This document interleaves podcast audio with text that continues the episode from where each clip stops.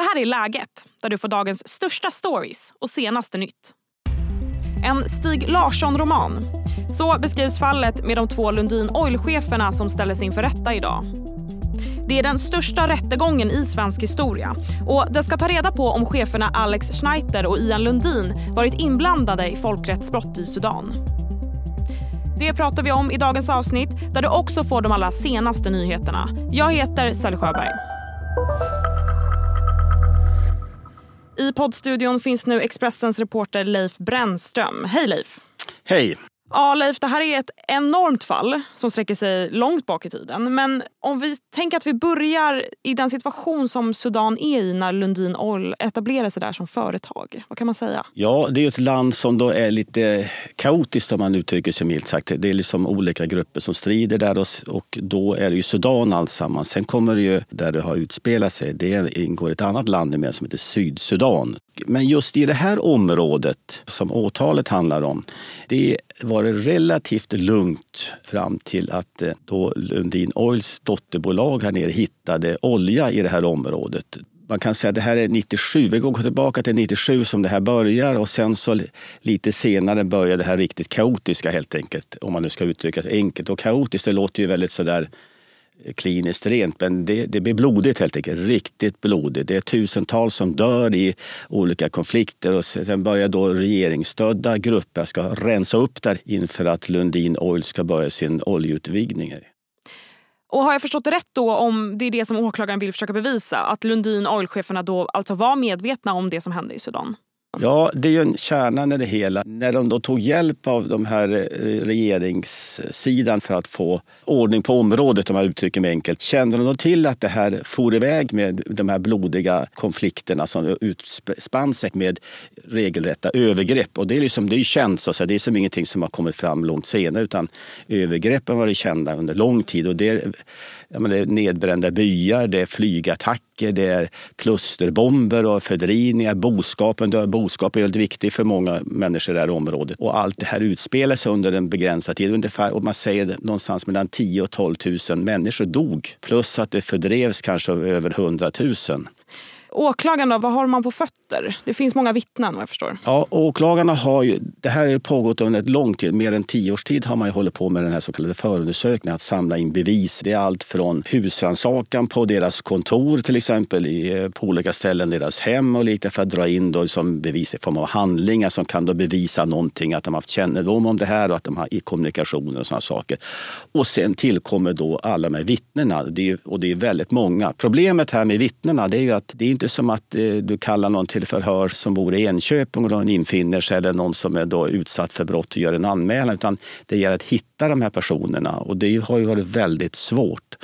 Och I många fall så har de varit rädda för att vittna också. De har varit rädda för sin egen säkerhet. De här som har, och det handlar om personer då som har överlevt där deras släktingar har dött. Vi ska strax prata mer med Leif Brännström, men först en kort nyhetsuppdatering.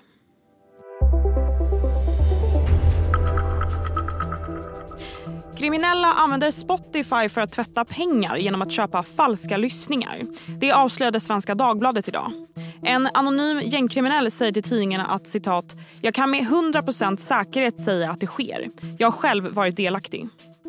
Spotify själva säger till SvD att man bekämpar fenomenet med fejklyssningar men de menar också att de inte har några bevis för att strömningstjänsten används för att tvätta pengar.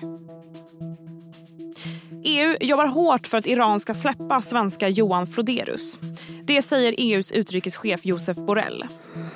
I want to stress that I personally, all my team, at all levels, European institutions, in close coordination with the Swedish authorities, which have the first responsibility of consular protection, and with his family, have been pushing the Iranian authorities to release him.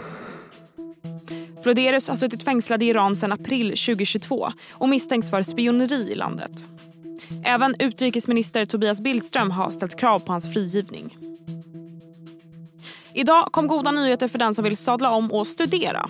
Regeringen skjuter nämligen till pengar till CSN för att hantera det så kallade omställningsstudiestödet som riktar sig till den mellan 27 och 62 år som vill ställa om mitt i arbetslivet och studera något annat. Sen stödet inrättades i oktober förra året har runt 45 000 ansökningar kommit in till CSN. Men bara drygt 3 500 personer har fått stödet beviljat. Regeringen föreslår nu 60 miljoner i höstbudgeten och ytterligare 50 miljoner till 2025. Hej, Ulf Kristersson här. På många sätt är det en mörk tid vi lever i. Men nu tar vi ett stort steg för att göra Sverige till en tryggare och säkrare plats. Sverige är nu medlem i Nato.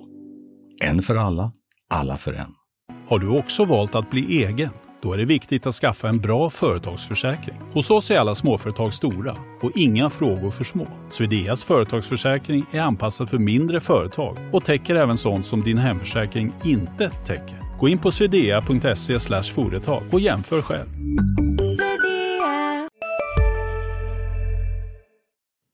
Nu tillbaka till Leif Brandström. Lundin Oil-cheferna själva då, vad, vad säger de? De förnekar ju brott. De förnekar all kännedom om att de skulle liksom bidragit till att, eh, att de ska då stå på då, de här som har rensat i de här områdena under det uttrycket. Att de har inte haft någon kännedom om det här och de är minsann etiskt eh, uppträder på ett etiskt korrekt sätt. Så att de har ju då ifrågasatt hela åtalet under väldigt lång tid. De har även försökt få en åklagare utbytt ett visst läge och gjort allt för att slippa ha den här processen som inleddes i Stockholms tingsrätt idag på morgonen.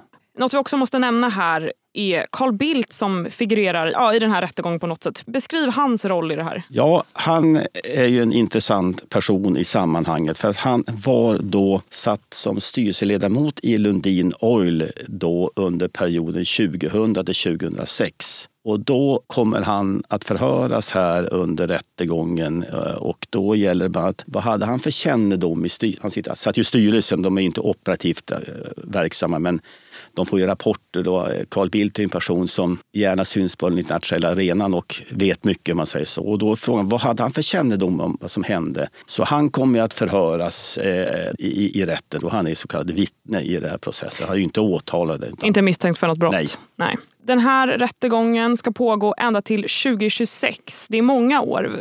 Vad är det som ta, ska ta så lång tid här? Ja, det ska ju tolkas. Alltså det, rättegången ska pågå jag för mig det är tre dagar i veckan. Under, sen blir det uppehåll och, sen, och det ska tolkas för det till engelska. ska det tolkas. Dessutom så kommer även då lokalt språk vara med i tolkningen för att alla vittnen kommer inte att vara här utan en del kommer att då förhöras via länk från en plats i Rwanda. Där kommer de att förhöras då via länk så till Stockholms tingsrätt.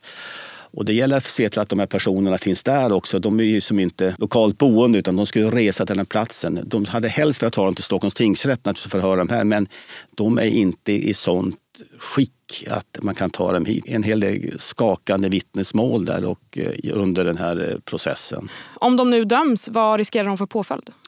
Ja, de riskerar flerårigt fängelse om eh, rätten finner att eh, åtalet är styrkt helt enkelt. Eh, och dessutom så ligger också i då den här processen krav på miljardböter i det. Så att, och dessutom så är det då de ska få åklagaren yrkar på näringsförbud för båda två också. Här. Men det gäller ju bara i Sverige. Så att om de är verksamma i något annat land då är det fritt fram om man säger så. Tack så mycket Leif. Nu blir det fler nyheter. Ett klipp på en kvinna som tidigare arbetat på regeringskansliet har fått spridning på sociala medier. I filmen ser man hur kvinnan skäller ut och förolämpar två 14-åriga pojkar på Östermalms IP i Stockholm när pojkarna ber om att få tillbaka en boll från henne. Du är så jävla snål och fula. Du är så jävla ful. Du är så jävla ful snål. Klippet har visats över 600 000 gånger. Till Expressen säger kvinnan i en kommentar att hon verkligen vill be om ursäkt för hennes beteende och att hon ångrar händelsen djupt. Den svenska fotbollsstjärnan Fridolina Rolfö missar starten på säsongen med sitt FC Barcelona och Sveriges matcher i stundande Nations League. Efter sommarens VM-brons med landslaget avslöjade Rolfö att hon spelat med ett skadat knä under hela turneringen. På sociala medier berättar hon nu att skadan är så pass allvarlig att hon tvingas till operation. Hej, Synoptik här. Hos oss får du hjälp med att ta hand om din ögonhälsa. Med vår synundersökning kan vi upptäcka både synförändringar och tecken på vanliga ögonsjukdomar. Boka tid på synoptik.se.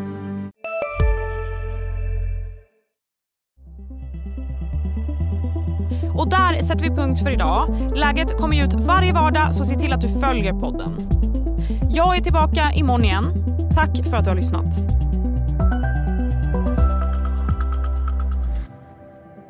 Du har lyssnat på en podcast från Expressen.